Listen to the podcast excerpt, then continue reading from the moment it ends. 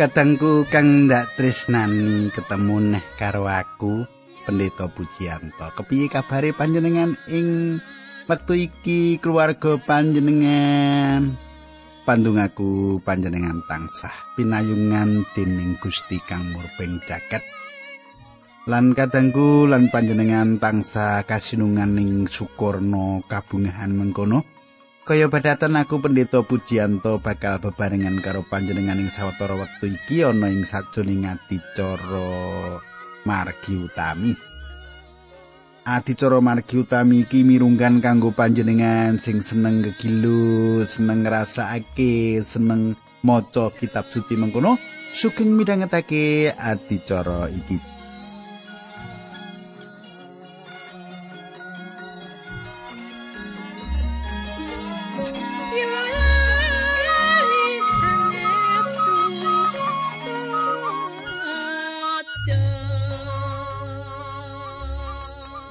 Katanggu apa panjenengan? Isi kelingan apa sing ndaturake nalika patemon kita kepungkur kae? Kita isi nyemak isi sinau kitab suci kita ya kuwi ing kitab para hakim.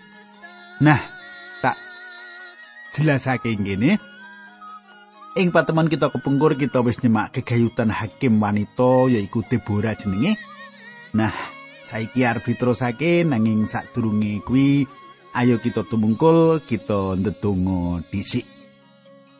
Kanjeng Rama ingkang ada dampar wonten kraton ing kasuwargan kawula ngaturaken gunging panuwun. Menawi wekdal menika kawula saged tetunggilan saged sesarengan kalian sederek-sederek kawula ingkang setya tuhu midhangetaken acara menika. Kawula nyuwun Gusti berkahi lan Gusti nuntuni supados kanthi makaten menapa ingkang dipun andharaken ing wanci menika saged andayani panglipuran kegiatan iman lan ugi saged bangun kapitadosan. Dinambaran asmanipun Gusti Kawula Yesus Kristus kawula ndedonga haleluya amin.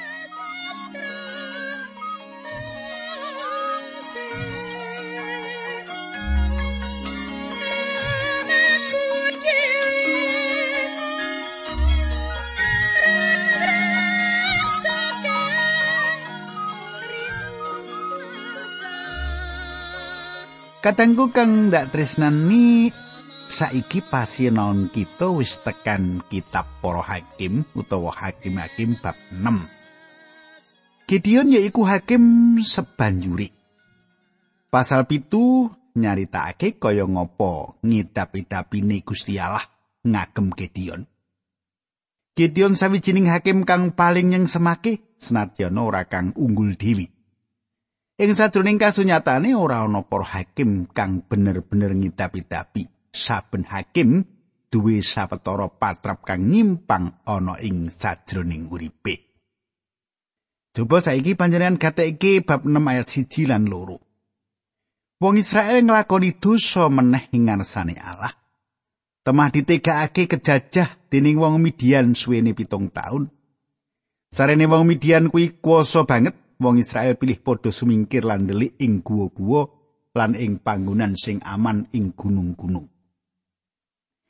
Kadangku kang ndak tresnani wong Midian lan wong Amalek sawijining taler utawa suku kang ora duwe aturan. Wong Midian lan wong Amalek mau sawijining suku kang gaweane jarah. Wong-wong mau wong Midian, wong Amori bakal jarah hasil bumi lan tandon pangane wong liya. Ing sajroning lelakon iki ora dicaritakake gunggunge wong Midian lan wong Amalek. Awit ora ana wong siji wae ing jagat iki kang bisa ngitung gunggunge wong-wong mau. Wong Amalek lan Midian kuwi wong umbaran, nanging sak keplasan. Gunggunge wong-wong mau akeh. Gunggunge wong-wong mau imbang karo kang manggon ing tanah kuno. Wong-wong Israel ninggalake papan panggonane lan urip ana ing guwa-guwa lan tenda. Ana akeh bukti saiki ing tanah Israel kang buktekake yen wong-wong Israel tau urip ana ing guwa-guwa mligine ing jaman para hakim. Kadangku Israel tiba ing sajroning dosa lan cakra manggilingan wiwit muter meneh. Gusti Allah wis berkahi wong-wong Israel nalika jamane pemerintahan Deborah. Nalika wong Israel dosa, Gusti Allah masrahake marang wong Midian lan wong-wong Israel sesambat njaluk kawalaki. Bab 6 ayat 5 para hakim mungsuh mau tekani bebarengan nggawa unta lan kemah. Cacahe akeh banget nganti ora kena diitung. Tekani mung arep ngrusak tanahe wong Israel. Kadangku wong Midian nyerang wong Israel. Wong-wong Midian tekani akeh banget kang ateges gunggunge ora bisa diitung wong Midian ndeleng wong Israel duwe hasil bumi kang apik lan wong-wong Midian mbutuhake jagung lan panganan kanggo awake dhewe lan raja kayani. Nalika wong Midian wis ngejeki daerah kono, wong Israel menyang guwa-guwa lan ngungsi ana ing kono. Wong Israel ndeleng hasil tandurane kang ditinggal direbut mungsuh, ya ing lelakon iki ana carita sejarah bab Gideon iki. Saya kita terus ke ayat 6 pitu wolu songo sepuluh ngono ya. Mungkin surasane pangantikani Gusti. Mongko umat kuwi ora bisa nyegah penggawene mungsuh-mungsuh mau. Umat Israel banjur padha sesambat nyuwun tulung marang pangeran supaya diluari saka tangane wong Midian. Pangeran banjur ngutus nabi menyang umat Israel, nabi mau kondo mengkene pangeran ala Israel ngendika, kowe wis ndak luwari saka nggonmu dadi batur tukon ing tanah Mesir. Kowe wis padha ndak slametake saka tangane wong Mesir lan saka bangsa-bangsa ing tanah kini sing mungsuhi kowe. Bangsa-bangsa mo ndak ulungake saka kene nalika kowe padha nyerang dheweke sarta tanah ndak paringake marang kowe. Aku wis ngendika marang kowe yen aku iki Allahmu lan kowe ora kena nyembah brahala-brahalane wong Amori sing tanahe kok enggoni nanging kowe padha ora ngestokake dawuhku. Kadangku kang ndak tresnani nalika iku wong Israel nindakake pakulinan lawas sesambat lan gresula. Nanging Gusti Allah iku kebak kadarman lan apik ana nabi kang nekani lan kondo marang wong Israel kenapa kok nganti nandang kasangsaran. Wong Israel sesambat marang Gusti Allah lan Gusti Allah paring sih kawelasan kanthi ngutus wong kang dadi hakim.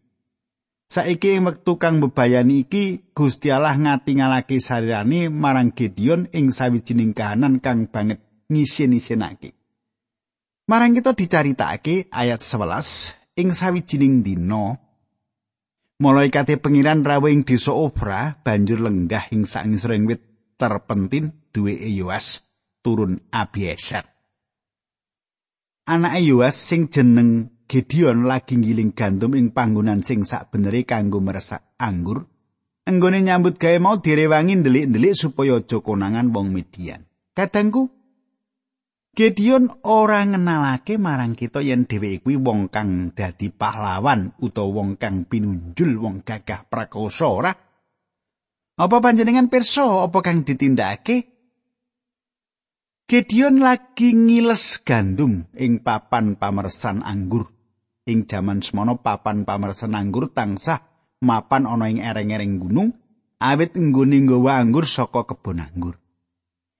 Pakulinane wong-wong mau bakal nggawa hasil kebon anggur kuwi menyang ngisor gunung.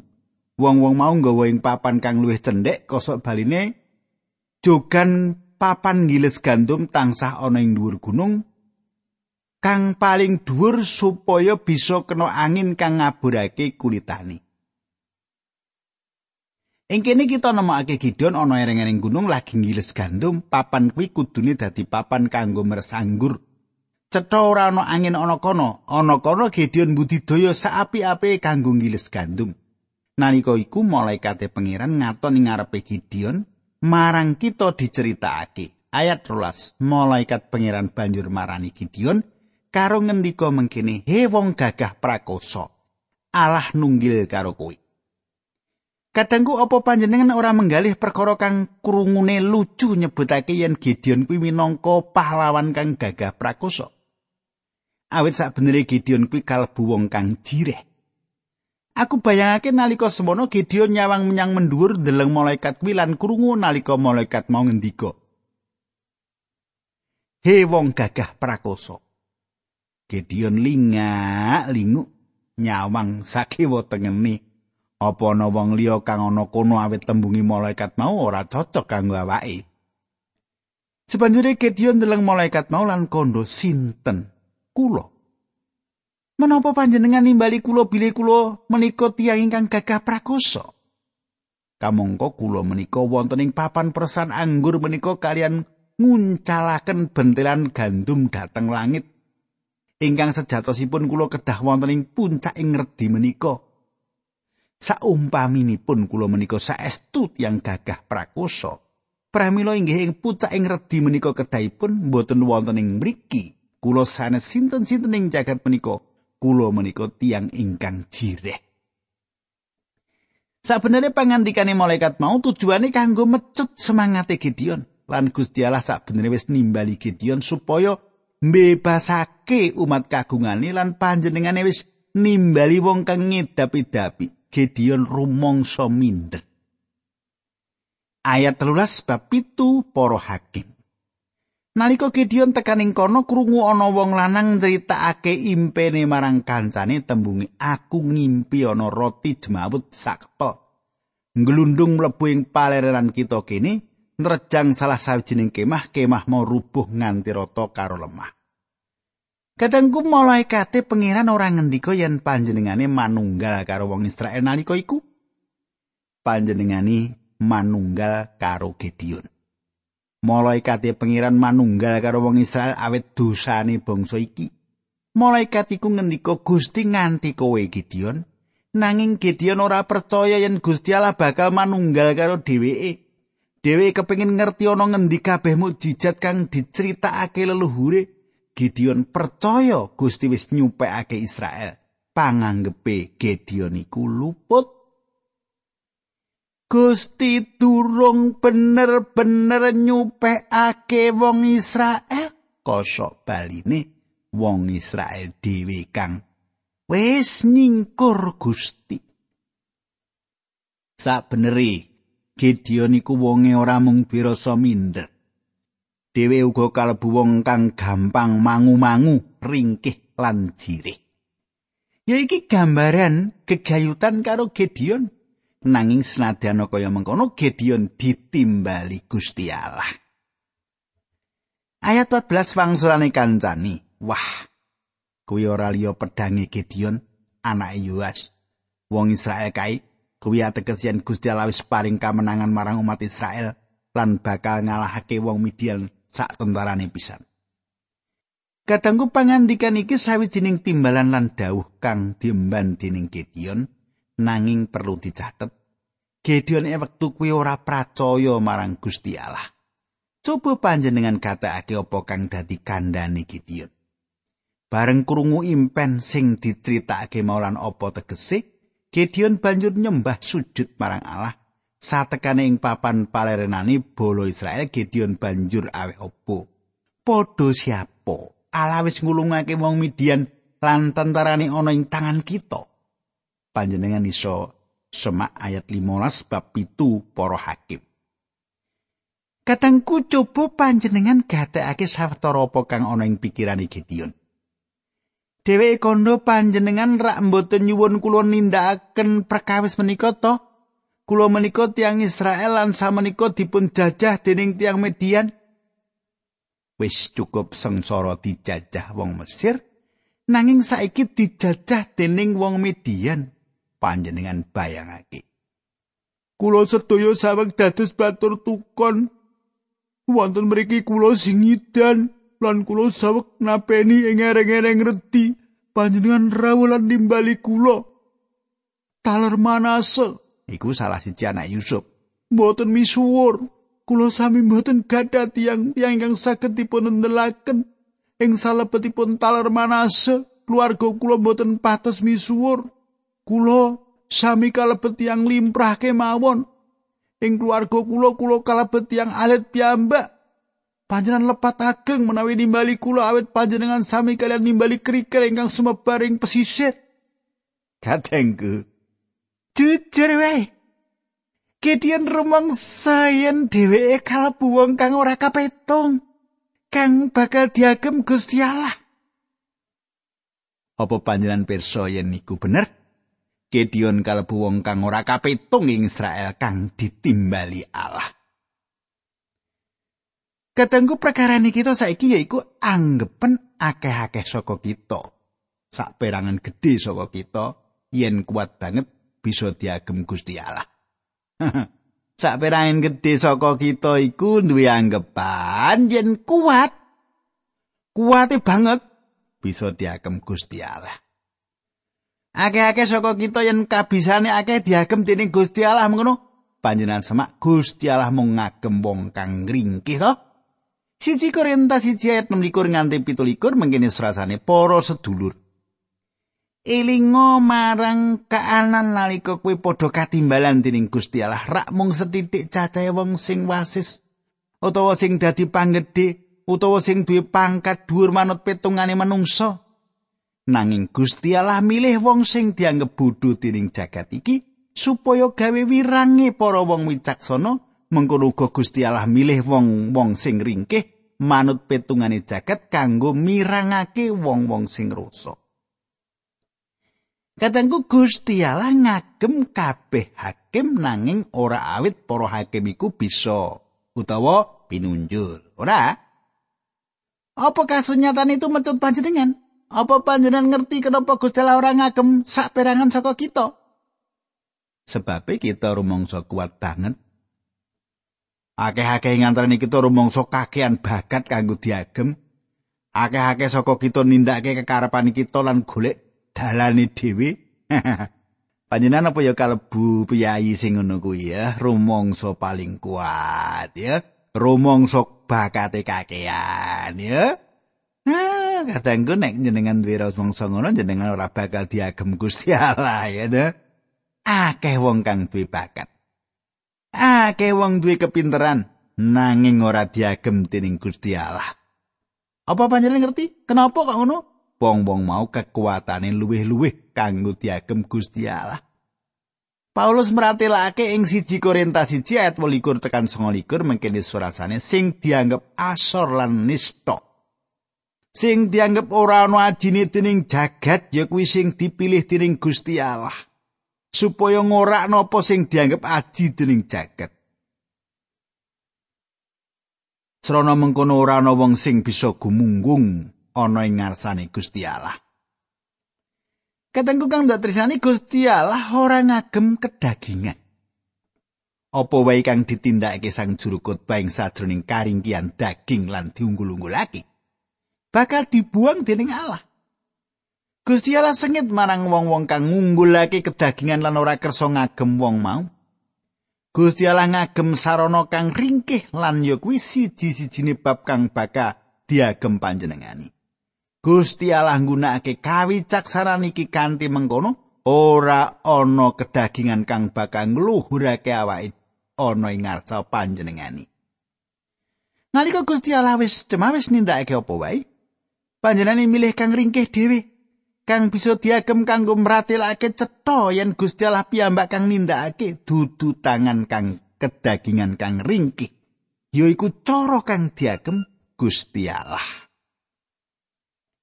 eling kadangku Musa ana ing sajroning keranjang pandan nalika Musa isih cilik sebanjure ndeleng jaman pemerintahan Prengon Ramses kapindo kang kuwasa dhewe ngantarane para pringon kang lenggahing dampar.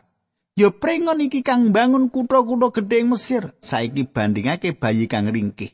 Ora duwe daya lan pringon kang lenggahing dampar kang duwe panguwasa. Sopo sing panjenengan pilih? Wis mesti wae panjenengan milih pringon awit dheweke kuwi kuat, ya to? Nanging Gusti Allah malah mundut wong kang ringkih kang gumlethak ing keranjang pandan iku kanggo nuduhake yen Gusti Allah ngagem perkara-perkara kang ringkih saka ing jagat supaya nyirnakake wong kang wicaksana. Kadangku Gusti Allah milih wong lanang kang jeneng Elia, jenenge Elia. Elia ora wong kang ringkih, nanging Elia kudu dadi ringkih. Ora ringkih, ning kudu dadi ringkih. Gusti Allah kudu mapanake Elia ing sadroning pendadaran-pendadaran. Gusti Allah nyekolahake Elia ing ora-ora samunan tundone meksa Elia supaya dhewe ngrungokake suarane Gusti Allah.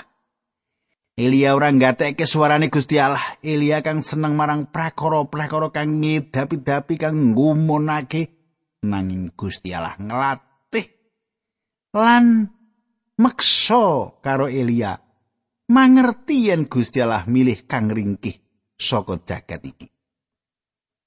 Sawise Elia mangkat mlebu kratone Ahab lan Isabel dheweke kondo marang wong loro mau yen udan ora bakal tiba sawetara taun. Sebanjure Gusti Allah mapanake Elia ana ing kali kerit. Ana ing kono Elia nyawang ilire kali kang nyelot garing. Lan ana kono Elia nemokake gegambaran uripe kaya dene iline kali kang garing kuwi. Sebanjure dheweke ndeleng marang kuali wadah gandum kang kotong nanging dhewe isih bisa muji Gusti Allah. Nalika dhewe bisa nglewati prakara-prakara mau Gusti Allah maringi mangan marang Elia saka keluarga rondo kang mlarat saka kuali gandum kang kotong. Kenapa? Awit Gusti Allah ngersake ngagem perkara-perkara kang ringkih. Cetha ya. Sebanjuri katengku panjenengan gathake Simon Petrus. Sapa kang bakal milih dheweke? Saben wong ngerti yen Simon kuwi wong kang ringkih lan Gusti ngendika kowe bakal dadi kuat kaya watu karang. Aku bakal ndadekake kowe kuat kaya watu karang. Aku mbayangake nalika wong krungu pangandikane Gusti bab Simon iki saben wong geguyu. Malah Petrus dhewe wis pasrah ing sawijining lakon lan kondo. Waduh Gusti mugi kersa nebih saking kawula. Gusti tebih kaing kawula jalaran kawula tiang dosa. Panjenengan isa semak Lukas 5 ayat 8. Apa kang sak beneri dikandhake Simon yaiku kenapa paduka mboten nilaraken kula lan milih tiang sanes kenging menapa Nanging Gusti ngendika aja wedi wiwit saiki kowe bakal ndak dadekke tukang njolo wong. Lukas 5 ayat 10. Sakbenere Gusti ngendika ya kowe wong kang ndak goleki. Kowe bakal khotbah kang kawitan ing dina Pentakosta kang bakal menangake telung ewu wong mertobat marang aku. Aku bakal ngatonake yen aku bisa nggunakake wong kang ringkih dhewe ing sadroning jagat. Kadangku Gusti Allah tansah nindakake perkara iku. Apa tau panjenengan bandingake bayi cilik ing Bethlehem karo Kaisar Agustus? Kang netepake peraturan pajak kanggo wong kabeh Sing endi sing panjenengan pilih? Secara kamanungsan aku bakal milih para tukang pajak kang ketoke duwe luwih akeh pangmoso. Nanging beda karo Gusti Allah. Gusti Allah milih bayi cilik ing Bethlehem. Awit panjenengan iku putrane Allah. Gusti Allah tansah milih mengkono kuwi. Senadyan Gideon wong kang ringkih banget nanging Gusti Allah kondo marang dhewe yen dhewe iku wong kang bakal merdekake bangsa Israel. Ya Gusti Allah ngagem Gideon. Nanging sadurunge Gusti Allah bakal nglatih kekendelani, Gideon butuhake iman kanggo nguatake dengkule kang ringkih lan Gusti Allah bakal andadekke Gideon sabar. Aku kepingin ngatekke sewetara latihan kang bakal dilakoni Gideon. Panjenengan semak, Gideon langsung keweden dadi Gusti Allah menehi wulangan kang kawitan. Katangku ora bisa tak teruske. awet panjen wektune wis mepet nanging sadurunge ditutup pandonga aku ngaturake salam karo Bapak Lagio Bapak Lagio Sinausa kula menika enggak nderek Gusti nanging kula saged ngrasakaken sih rahmatipun Gusti ingkang saged dipun tingali lan gesangipun tiang Kristen saged dipun tuladani. Pak Lagio, ketoke kaya gek wis tau tak paringi salam kok iki meneh serapopo gitu tak lagi yo bejo. Nah katangku monggo kita tumungkul kita ndedonga. Dukane Rama ing swarga kawula ngaturaken kuning panuwun menawi wekdal menika kawula saged tetunggilan saged pidhangetaken sabda pangandikan paduka. Kula nyuwun Gusti berkahi kawula linambaran asmanipun Gusti Yesus kawula ndedonga. Amin